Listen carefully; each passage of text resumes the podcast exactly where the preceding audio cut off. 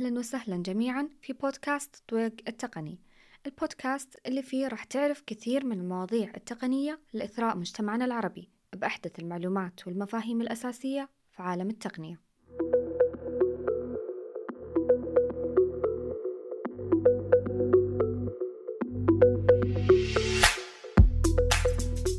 حلقة اليوم راح نتكلم عن واحد من أكثر المواضيع اهتماما وجدلا في التقنية وهو الذكاء الاصطناعي.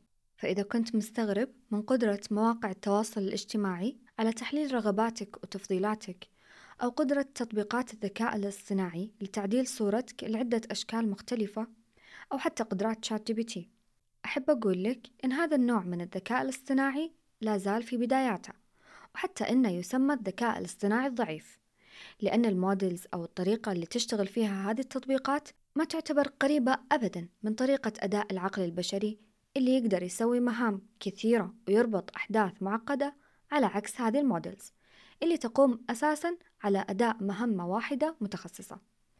في هذا السياق يظهر عندنا مصطلحين أساسيين وهم ال narrow AI وال general AI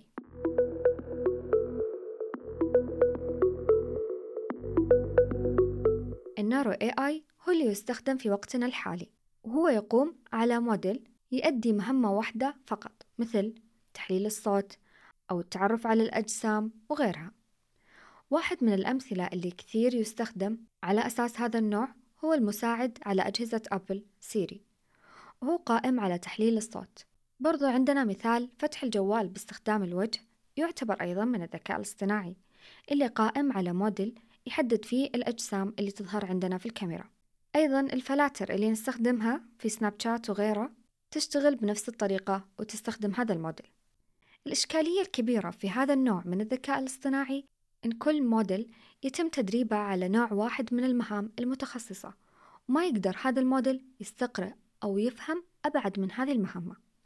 فمثلا لو كان عندنا مشروع أو جهاز يسوي عدد كثير من الأعمال المعتمدة على الذكاء الاصطناعي مثل عندنا السيارات ذاتية القيادة.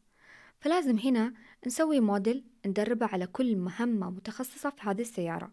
مثلا موديل لملاحظة أي جسم في طريق السيارة وموديل لاتخاذ القرارات اللي من المفترض قائد السيارة يتخذها. أيضا موديل لتحديد الخريطة والأماكن المزدحمة مثل اللي نستخدمه في Google Maps وعدد كبير أيضا من ال models.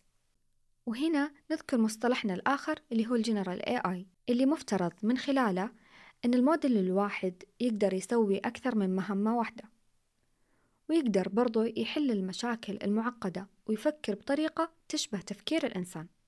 طبعا ال narrow AI هو المستخدم حاليا أما ال general AI فإلى الآن ما تم تطبيقه ولا زالت الدراسات تتم لتطويره. أخيرا عندنا مصطلح ثالث وهو السوبر AI اللي فوق قدرة الجنرال AI وهو طبعا لا زالت الدراسات تتم لإنتاجه. لكن يقال أن قدرته راح تفوق قدرة تفكير وتحليل عقل الإنسان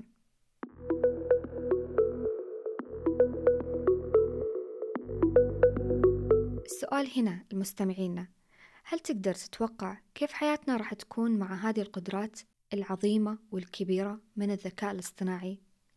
هل تحس أن الحياة راح تكون أسوأ أو أفضل للبشر؟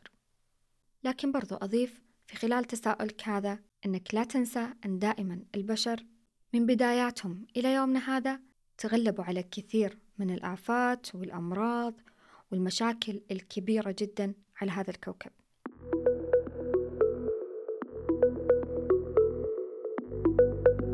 إلى هنا وصلنا نهاية حلقتنا لليوم. أتمنى تكونون استفدتوا واستمتعتوا. كنتوا مع بودكاست طويق التقني. انتظرونا في حلقاتنا القادمة. وفي أمان الله.